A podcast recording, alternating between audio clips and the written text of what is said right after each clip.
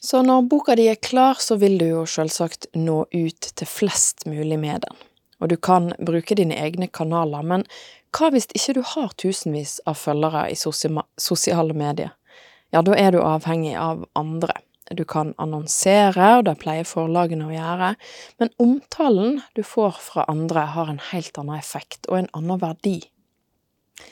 Mange forfattere har kanskje blitt litt skuffa over at interessen for boka som de har jobba så hardt med, kanskje ikke helt sto til forventningene. Det var en annen mediesak, men så blei det stille. Men fortvil ikke. I denne episoden så blir du litt klokere på hvordan du kan få medieomtale, og hvorfor det er verdt den innsatsen som det krever. Hei, du hører på Historier som forandrer. En podkast med inspirasjon og gode, konkrete tips for deg som går med en drøm om å skrive bok om noe fra virkeligheten. Den er for deg som er interessert i historiefortelling og skriving, enten du er helt ny i faget eller har holdt på ei stund. Jeg er Stine Mari Welsvik, journalist, fotograf og forfatter. Jeg lager denne podkasten sånn at du kan få lære fra noen av de aller beste på sitt felt, slik at den forfatterdrømmen din kan bli virkelig. Jeg er her for å støtte deg på veien, og du finner mer hjelp på stinevelsvik.no. Vi skal snakke om å få medieomtale. Hvorfor bør du bruke krefter på å få sak på i media? Og hvordan går du fram for å få sendetid eller spalteplass i mainstream media? Det får du vite i denne episoden, og det du får her er kunnskap som folk egentlig betaler kommunikasjonsbyrået ganske dyrt for å lære. Og hvis du går til stinevelsvik.no medier, så kan du laste ned en gratis PDF med enda mer hjelp til å lykkes med medieinnsalg av boka di. Og det her er jo informasjon som du trenger, enten du gir ut sjøl eller på forlag.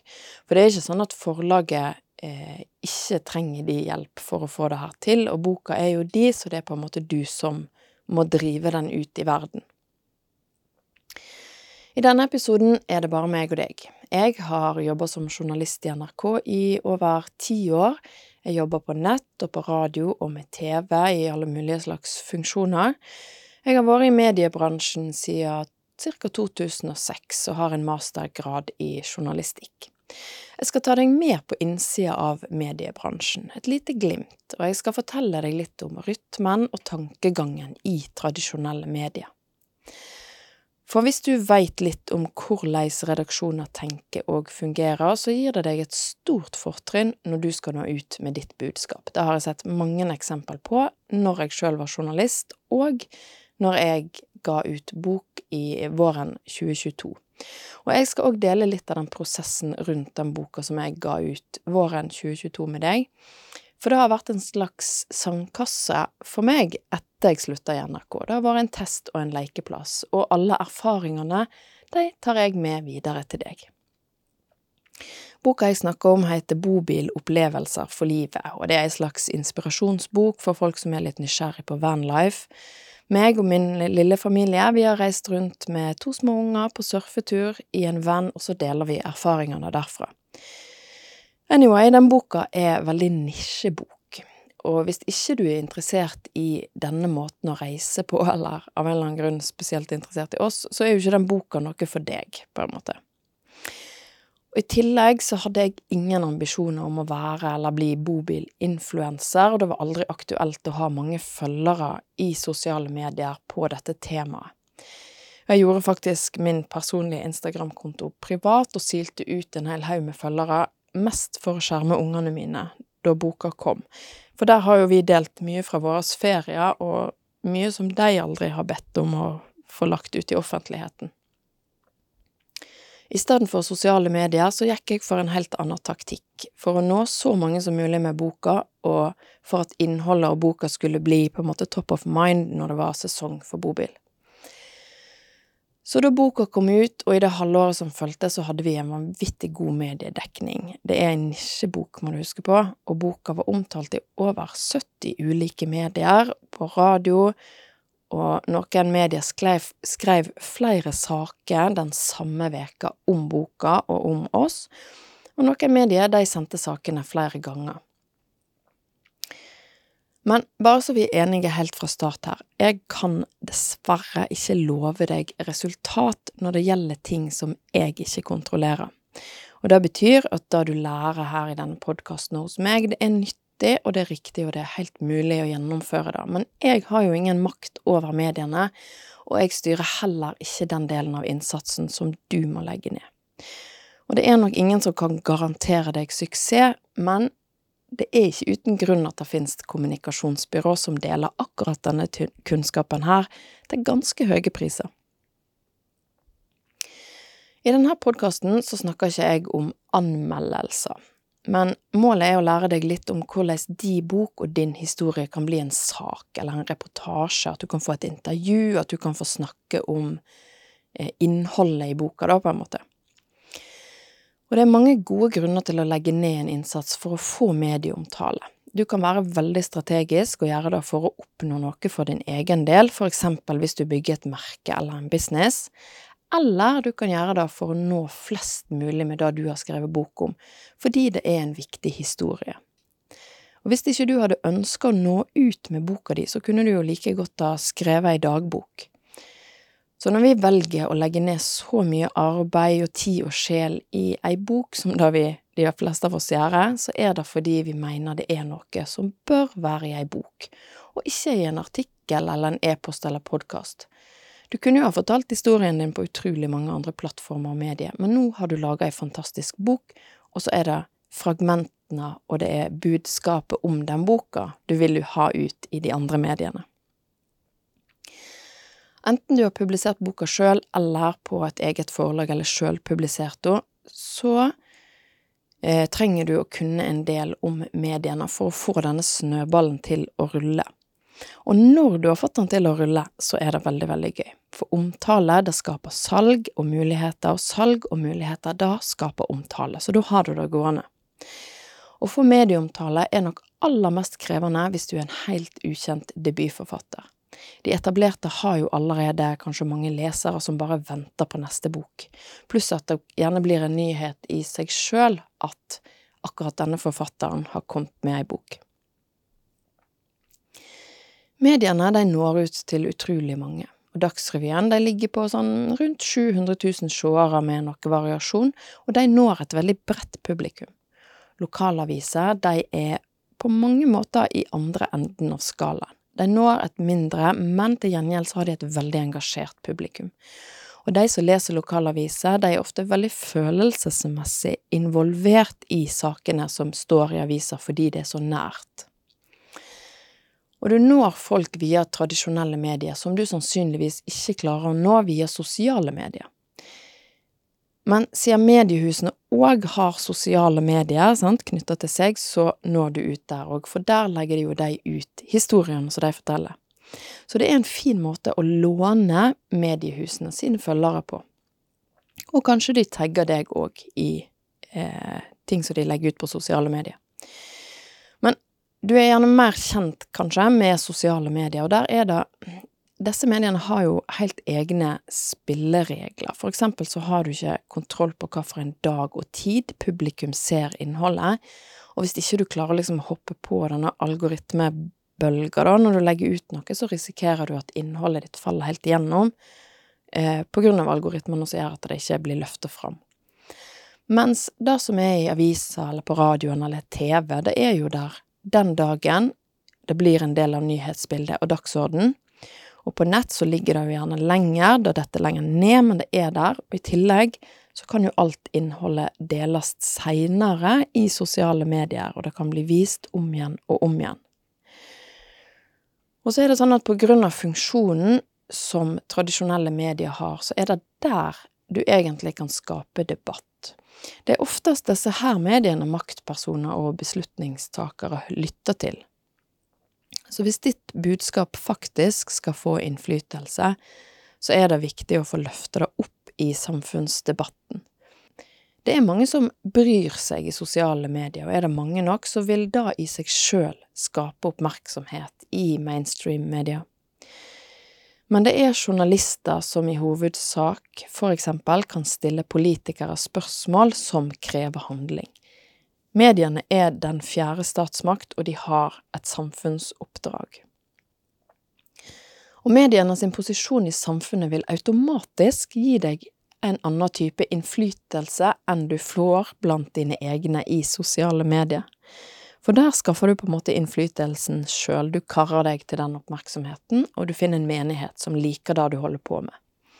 Men i vanlige medier så er det noen som gir deg den innflytelsen. Det har vært en gatekeeper i en redaksjon som har gitt deg dyrebar tid den dagen, eller plass i ei avis eller en nettsak. Og det bygger kred og tillit. Det kommer jo selvfølgelig litt an på hva den saken er, eller det kommer veldig an på hva den saken er, men det skal vi komme mer tilbake til seinere.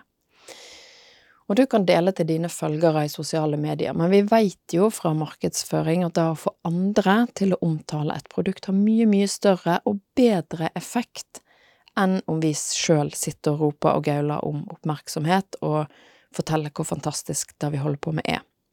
Så det at mediene plukker opp de historier framfor alle de andre hundre eller tusen mulige den dagen, det sender et signal til publikum om at det her, det er viktig. Dette er av de historiene du bør lese i dag, eller se i dag, eller høre. Og det ble vurdert som viktigere enn veldig, veldig mange andre mulige, og det gir en ekstra dimensjon til din historie. Ingen forlag vil betale annonsekostnader for å nå ut til så mange mennesker som du kan klare å nå når du får medieomtale. Og det er faktisk vanskelig å måle verdien av å klare å få mye presse på boka di. I eksempelet med bobilboka så har jo den nådd ut til folk som ikke engang er aktive i sosiale medier, og som uansett ikke hadde vært en del av de jeg hadde sikta på som følgere. Og for min del så har medieomtalen ført til oppdrag med for eksempel femsifra honorar, som igjen har gitt nye muligheter.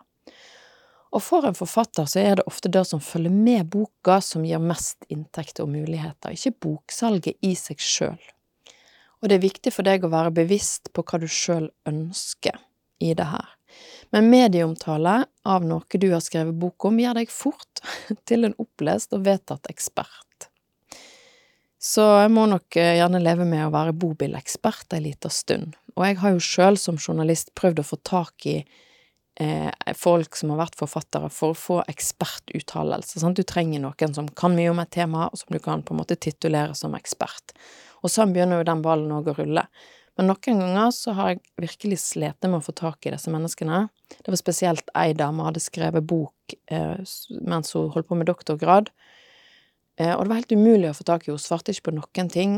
Eh, og når jeg til slutt klarte å grave henne fram, så viste det seg at hun hadde liksom gått under jorda, da, fordi at den boka som hun skrev, førte til at hun fikk en fulltidsjobb med å svare på henvendelser fra journalister og folk sånn som meg, at hun hadde ikke tid til det, hun ville ikke det, og nå var hun i gang med et nytt prosjekt, og hun mente at den jobben som hun da hadde satt på dugnad, den var jo egentlig staten sin på grunn av temaet hun hadde skrevet om.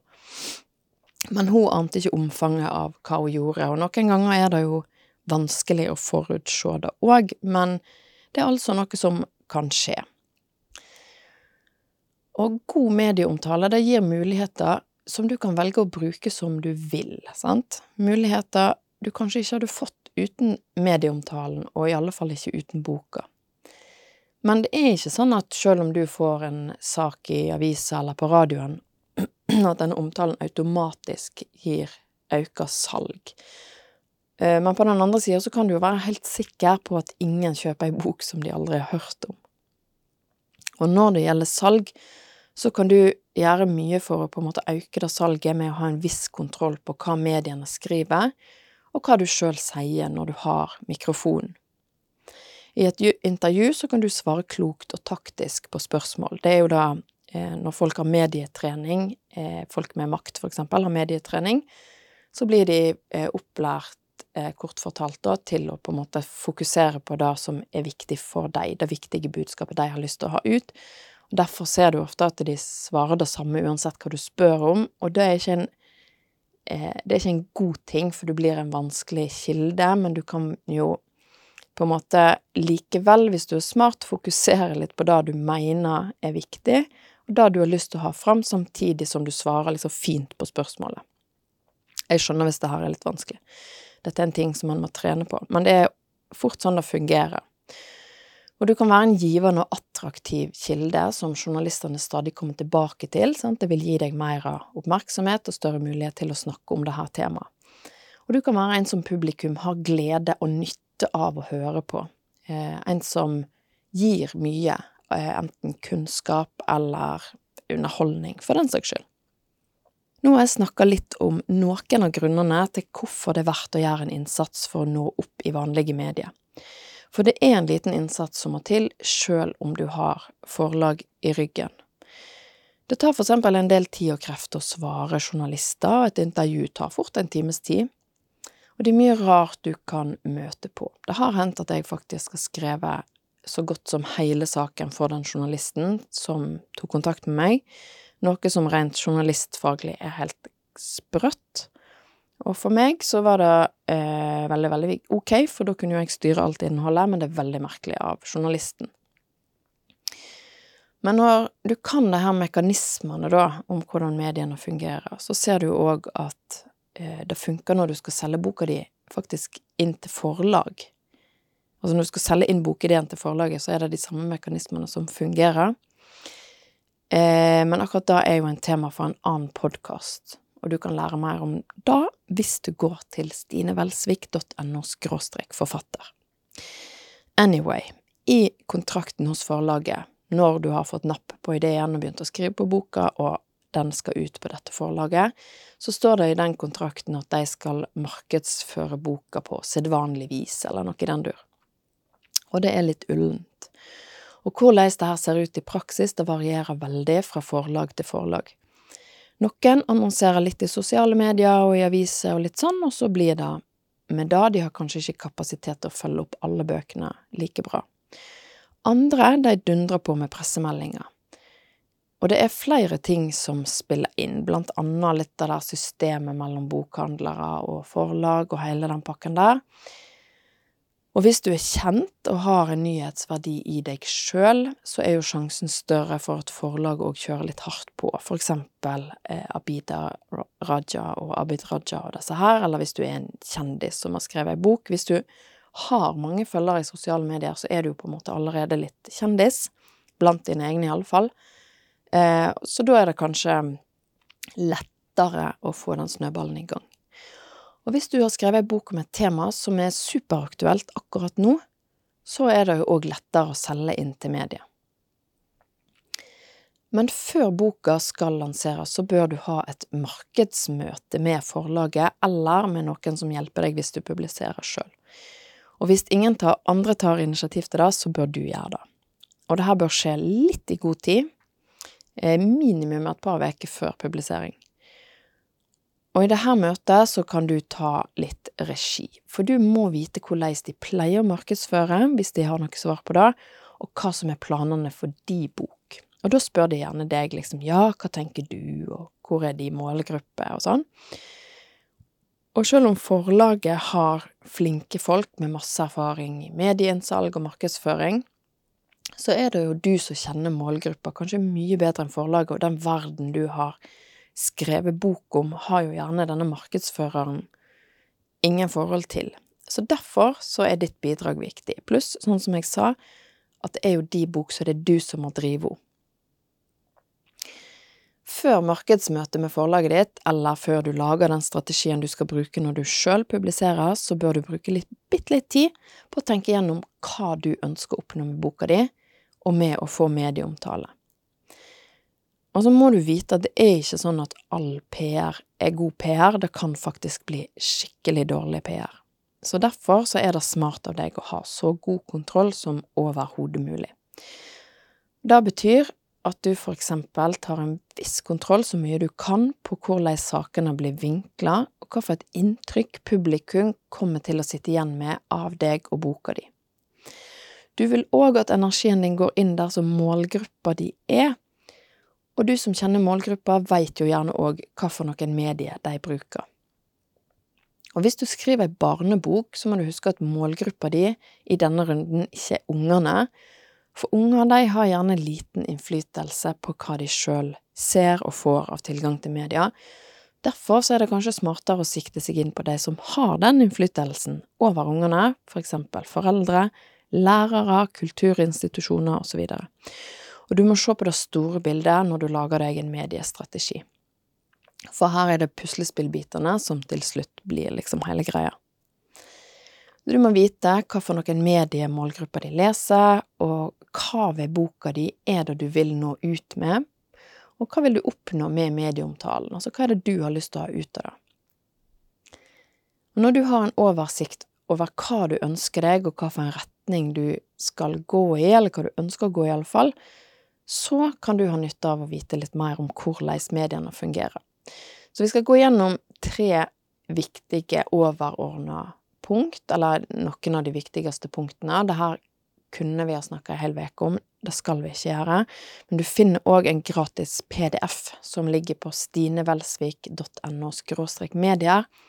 Og der får du fem helt konkrete tips til hvordan du kan få omtale, og hvordan du går fram med medieinnsalg. Men først disse tre punktene. Eh, for det første så har de ulike mediene ulike profiler og målgrupper og formål. Så det er stor forskjell på lokalmedier og riksmedier. Samtidig så er de faktisk styrt av de samme mekanismene. Det er nemlig sånn at sakene de blir valgt ut fra kriterier. Ofte så kaller vi de nyhetskriterier, selv om det ikke er et nyhetsmedie du egentlig sikter på. Og dess flere kriterier en sak eller en historie treffer hos et medie, dess bedre er ofte saken, og jo sterkere han treffer disse kriteriene, dess bedre er han. For eksempel, ei sak er kanskje bedre hvis den angår mange mennesker enn ei lita gruppe. Samtidig så er jo store konsekvenser for ei lita gruppe kanskje en større sak enn små bagateller for mange folk. En stor sensasjon er ofte bedre enn en liten kuriositet, store konflikter, mye følelser, er du med, høy temperatur i ei eller annen form. Og dessuten så må det være et svar på hvorfor denne saken skal ut nå. Det må være aktuell. Ofte så er det snakk om et tidsperspektiv, det er aktuelt fordi det skjer akkurat nå, det er sesong for det nå, det er i tida, det ligner på noe som er i tida, og akkurat det her, hvorfor skal vi lage denne saken nå, da må du peke på når du tipser inn. Og det må være noe som angår mediet sitt publikum. Hvorfor skal akkurat dette mediet lage denne saken? Min tidligere kollega i NRK, Halvor Folgerød, som du kan høre om i podkastepisode to, han har solgt over 20 000 eksemplar av ei bok som heter Vestlandsveger, og nå har nummer to kommet. Og disse bøkene har fått masse omtale, spesielt i lokalaviser. Og kan du tippe hvorfor? Det er jo fordi han har skrevet om lokale forhold. Så alle avisene som har tilknytning til et av områdene han skriver om, har en grunn for hvorfor akkurat de skal skrive det her. Mange av leserne har sterk tilknytning til akkurat den historien, for eksempel, og det å kjenne noen som er berørt, gir en nærhet som ofte treffer oss ganske sterkt. Og hvorfor skal de skrive om akkurat det her nå, for denne hendelsen som skjedde i det lokale området er jo kanskje 20 år gammel? Det er fordi det er en nyhet at det er skrevet bok om denne hendelsen eller veien eller de som bor der akkurat nå. Det er vanskelig å måle hvordan en altså salg av ei bok hadde vært uten stor medieomtale. Men det er jo òg selvsagt ekstra attraktivt med ei bok som handler om noe som er nært. Det er de samme mekanismene, ser du det? Så noe av det viktigste du må forholde deg til, er derfor hvorfor skal mediet lage sak om den historien din, denne boka di egentlig, og hvorfor skal de gjøre det akkurat nå? Det som egentlig er viktig at du forstår ved det her første punktet, er at tipset du kommer med til redaksjonen, ikke skal handle om deg. Det skal ha en tydelig verdi for mediet sitt publikum. Ellers er det jo egentlig ingen grunn for deg til å lage denne saken. Og når du veit hva det aktuelle mediet trenger eller ønsker, så kan du tilpasse tipset ditt til da, sånn at redaksjonen får et tips som er uimotståelig for deg. Og da skal jammen ikke alltid så mye til, skal jeg si deg. Eh, når jeg gikk på ungdomsskolen, faktisk, så klarte vennegjengen min og meg å selge inn til lokalavisa om et pepperkakehus vi lagde. Det var et svært pepperkakehus av skolen vår, og der hadde vi heist rektor i form av en seig mann opp i et pepperkakeflaggstang. Og du kan jo tippe hva for en eh, liksom-sensasjon som blei overskrifta i lokalavisa. Ja, det var rektoren som elevene hadde hengt opp i flaggstanga, og en journalist tok seg til og med tid til å komme og fotografere oss og pepperkakehuset. Det var jul, så saken var tidsaktuell, og det var morsomt og uvanlig, og det var visuelt. Men akkurat da at journalisten kommer og tar bilde, er jo ikke akkurat en sjølfølge, og da tar oss til punkt nummer to. For media og journalister, de har tidspress, sånn at omtrent alt som kan lette på det her, hjelper. Og de liker minste motstandsvei, sjøl om de ikke liker å innrømme det.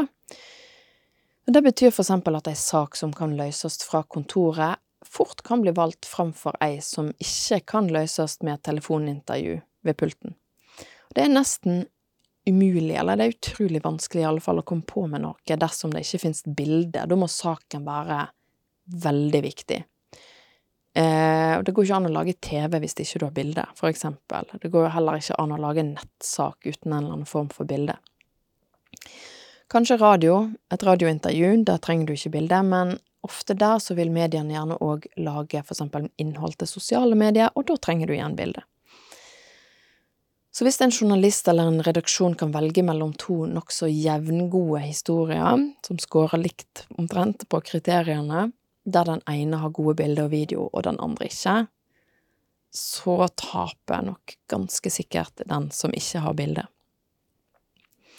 Bobilboka mi, den er jo eh, nesten et familiealbum. Den er full av fine bilder. Journalister kunne velge fritt fra alle bildene. Vi hadde også fotografer som hadde tatt bilder som var i boka, og, og vi er jo fotografer og hadde tatt masse bilder. Og i tillegg så tilbydde jeg eksklusive bilder til de ulike mediene. Ja, jeg har noen bilder her som ikke de andre har fått, har du lyst på dem? Og det resulterte for eksempel i at jeg bygger saken over flere sider, for det var mange bilder, og at de kom høyt opp på nettsida, og at de ble liggende ganske lenge. Jeg tilbød òg bilder som var litt sånn vittige, fordi jeg visste at aha, de her kan de kanskje komme til å bruke, og noen ganger fikk jeg rett, andre ganger tok jeg feil. En annen måte, hvis ikke du har bilde, er å gi de en veldig tydelig vinkel med kilde og ferdig research, nærmest, eh, og være tilgjengelig som kilde sjøl. Mange pressemeldinger kommer til redaksjonene nærmest som ferdigskrevne saker, og det kan selvsagt bikke til at journalistene blir mer skeptiske, men bare tenk at ved PC-en i redaksjonen så sitter et menneske med høye skuldre og skulle hatt noe på, helst i går. Og hvis de får inn et tips som passer perfekt til deres formål og målgruppe, så er det en god sjanse for at de blir glad for det. Den kyniske delen av dette systemet er jo at en kan få på ting som skader andre, som kanskje ikke er helt sant, eller som på andre måter ikke er etisk helt forsvarlig. Og redaksjoner de har et selvstendig ansvar for det de publiserer, så det er på en måte dumt av dem å ta imot research som de ikke har gjort sjøl, men du som kilde, forfatter og som person, det er du som i det lange løp taper kanskje aller mest hvis ikke du har en høy etisk standard på ditt arbeid og på det du selger inn. Det er jo egentlig selvsagt, men det kan bare være greit å minne om, fordi at disse mekanismene, det, det kan faktisk være mektige greier, altså. Og tidspresset er jo en av de tingene som er bak det her med at snøballen begynner å rulle. For hvis ei viktig avis eller en kanal har noe på dagsorden, så vil gjerne flere følge med og det kan de løse ved å sitere saken fra den som var først ute, altså slippe unna med en del research, og så kan de sjøl gjøre et kjapt intervju for å få egne sitat. Men ofte, mange ganger, så gjør de ikke det engang, de bare siterer saken. Innad i for eksempel NRK så deler jo òg redaksjonene på innhold, og det betyr for eksempel at et radiointervju da kan fort nå hele landet hvis ikke det er veldig sånn tydelig at denne saken tilhører kun akkurat det her området. En sak kan klippes om, og den kan brukes på nytt, og det kan være utgangspunkt for innhold både til nettsak og til sosiale medier, og kanskje også til TV. Så hvis du først kommer deg inn f.eks. for eksempel på en lokalsending i NRK, og er en veldig givende og festlig greie, eh, så kan det godt hende at det går videre inn i systemet. Du kan òg eksempel etter et intervju, eh, hvis du har inntrykk av at journalisten er veldig fornøyd og syns at det her var veldig gøy, eh, så kan du si at du tror at mange i målgruppa til akkurat det programmet eh, hadde hatt nytte av å høre den historien. Eh, Dette gjelder innad i mediehus. Eh, så kan du høre om journalisten ja, eh, kan du kanskje tipse videre til deg, fordi at journalister de tar gjerne imot tips fra sine egne innenfor samme mediehus, ikke mellom mediehusene. Eh, og så er det gjerne lettere for deg å komme på i et annet program når da tipset kommer fra en journalist som allerede er inhouse. Og så til punkt tre. For tidligere så snakka jeg om innflytelse, og at mediene gjerne er veien å gå hvis du ønsker at boka di skal skape forandring eller få konsekvenser. Og det finnes egentlig bare én måte å engasjere på. Og uansett hvordan du ønsker at dette her engasjementet skal se ut, så er det én måte å gjøre det på. Kan du tenke deg hva det er? Det er følelser. Du må treffe følelser. Og det er veldig lett å si, for hva betyr det sånn rent praktisk da? Det betyr for eksempel at saken du tipser inn, kanskje ikke egentlig er boka di, men det er en historie rundt deg eller boka di. Og jeg skal vise litt hva jeg gjorde med bobilboka. For når forlaget solgte inn der, så var jo det aktuelle, altså grunnen til å fortelle de historiene som vi tipsa om, det var jo at boka var ny. Og det andre var at det var sesong for å reise med bobil. Så da fikk mediene litt ulike vinkler å velge i. Sant? Alt ifra 'sånn reiser du på ferie med småbarn' til 'ha-ha, her er en morsom historie, og her er boka med hele greia'. Eh, og hvordan du gjør det her for din bok, vil jo selvfølgelig avhenge av hva for en type bok du skriver. Men du kan bruke eksemplene litt sånn som det passer deg. Og i alle fall så håper jeg at du forstår prinsippene. For eksempel i bobilboka, da, så er det veldig mange ulike temaer og de er sortert i kapittel. For eksempel så er det et kapittel om å reise som familie, og det er et om sikkerhet og vedlikehold og gass og de type ting. Så er det et om mat, og det er et kapittel om å være harry. Det er et kapittel om bærekraft, og det er om hvor du kan reise, og hva du kan gjøre på. Så det er kapittel, noen av kapitlene. Og så er det en overordna historie med boka. Og det er at jeg ville ikke ha bobil, for jeg syntes det var veldig harry og kjempedust. Men så, en, da, en gang når jeg var sjuk, så reiste min mann av gårde til en annen by og kjøpte en bobil i smug. Og så, etter ei stund, så likte jeg det så godt at nå har jeg faktisk skrevet bok om det. Og her er det flere ting du kan se, for hvert enkelt kapittel i boka har tema som passer til ulike målgrupper. Småbarnsforeldre vil jo vite alt om hvordan du kan reise sammen som familie på minste motstandsvei. Alle vil ha tips om hva som er gøy å gjøre i ferien. Noen er interessert i mat og bærekraft, altså, du skjønner. Så her vinkler vi boka til ulike medier, og det var ikke bobilboka nødvendigvis vi fokuserte på, men den delen av innholdet som journalisten tenkte, eller som vi trodde journalisten tenkte, passet til sitt publikum. Og så var grunnen til at det her skulle dekkes akkurat nå, enten at boka var ny, eller at nå er det jo sesong for akkurat det her. For eksempel å reise på tur med familien. Og historien om mannen min som var frekk nok til å kjøpe en bobil i smug, har jo òg det perfekte historieutviklingen ved seg. Det er en konflikt som egentlig er ganske sterk, og det er litt kuriøst. Hvem er det som gidder å kjøpe en bil i smug, og hvordan går det an? Og det er litt vittig. Og så er det lett å identifisere seg med. Og så er kontrasten mellom at jeg overhodet ikke hadde lyst på bobil, til at jeg begynte å elske det så mye at jeg bare måtte skrive en hel bok om det, det er en veldig lett historie å fortelle, og som eh, Den skaper gode følelser. Og det er sant alt sammen, jeg ville virkelig ikke ha den bilen, men det var akkurat så gøy som boka sier. Og når du skriver, det her veit du jo gjerne, siden du kanskje allerede har skrevet ei bok, så må jo en historie ha en motstand og en utvikling. Og da har jo denne historien om mannen min som smugkjøpte en bil. Og det er masse følelser. Jeg sa tidligere at den saken du tipsa inn, først og fremst må være nyttig for medies målgruppe. Og uansett hvordan du utfører det her innsalget og hva du fokuserer på, så er ikke det her ei bok du selger inn. Jeg har sett det så mange ganger at folk ikke skjønner, eh, når jeg satt som journalist, at vi lager saker til våre målgruppe. Så det er en historie som angår medies målgruppe du selger inn, ei som vekker følelser. Så når du kommer på, så vil boka di naturlig nok bli nevnt. Enten fordi det er den aktuelle grunnen til at det her blir snakket om akkurat nå, eller fordi du for eksempel sniker deg litt elegant inn i en setning at ja, i kapittelet i boka mi om det her, så står det jo at bla, bla, bla. For eksempel. Veldig, veldig elegant. Hvis du begynner å selge noe på lufta, så kommer du aldri på igjen. Og så leser folk den historien, eller hører på radioen, eller eh, ser et TV-innslag, og boka di blir top of mind, ditt navn blir nevnt, og folk googler deg, og de ser at det er bok, og de, det skaper interesse, og det genererer salg. Du kan bli eksperten, og det kommer forespørsler om oppdrag som du ellers ikke ville ha fått, for eksempel. Og mediene, de biter jo på hverandre, som jeg sa, fordi en vil ha de viktigste sakene. Men òg på grunn av tidspress, det har du lært om, og så har jeg sagt at du bør prøve å ha litt kontroll på hva som kommer ut. Og du vil ikke kunne diktere mediene, og hvis du prøver på det, så er det stor sjanse for at journalistene backer litt unna. Du har rett til sitatsjekk, og det betyr egentlig at du har rett til å se der de har sitert deg, og så kan du rette de sitatene.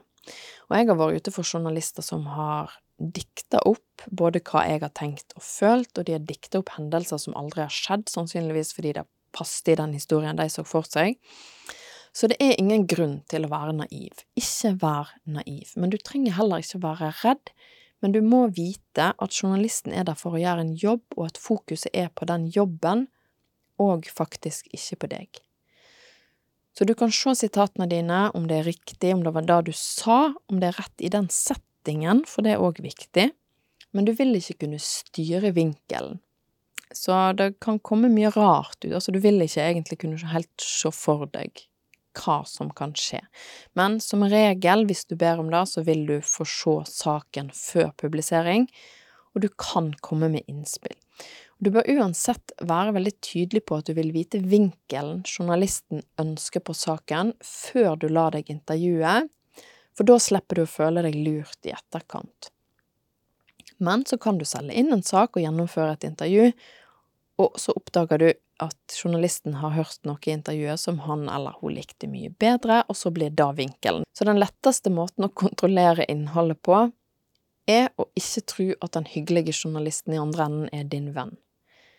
Den er ikke din fiende, men den er der for å gjøre en jobb, og de har et oppdrag.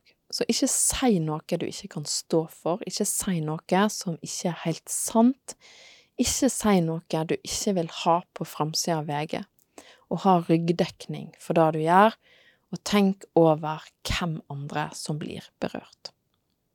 Ok, dette er nok for en episode. Og så ble du kanskje litt skremt nå på slutten, men det er det ingen grunn til. Du kan ta kontrollen, du må bare ikke være naiv, og så må du nyte det, for mediedekning, det er veldig morsomt. Og du har gjort en stor jobb som forfatter når du er ferdig med ei hel bok og den har blitt publisert. Og vi har snakka om hvorfor det er verdt å legge ned en innsats for å få mediedekning av deg og boka di i vanlige medier.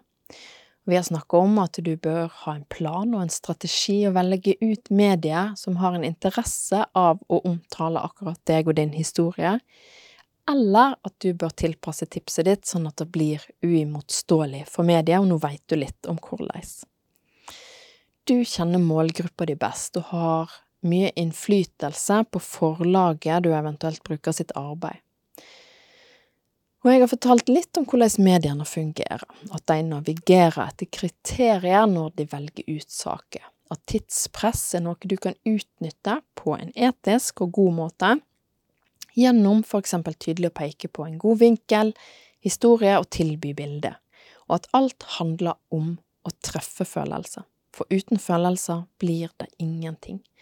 Og hvis saken går over styr, og du føler at det var jo ikke det her du mente, så vil du se at det er fordi journalisten gjerne forsøker å treffe følelser. Spille på følelser. Gå til stinevelsvik.no media og skaff deg den gratis PDF-en som jeg har snakket om. Den har jeg eh, laga til deg hvis du har lyst til å få mer medieomtale om boka di. Den er veldig bra. Du har skrevet eller drømmer om å skrive en bok, og den historien du har, den kan forandre noen sitt liv. Den kan forandre verden. Du kan forandre verden. Og derfor er det her viktig. Jeg er din heiagjeng på podkasten, på Instagram og på nettsida mi. Takk for at du hørte på.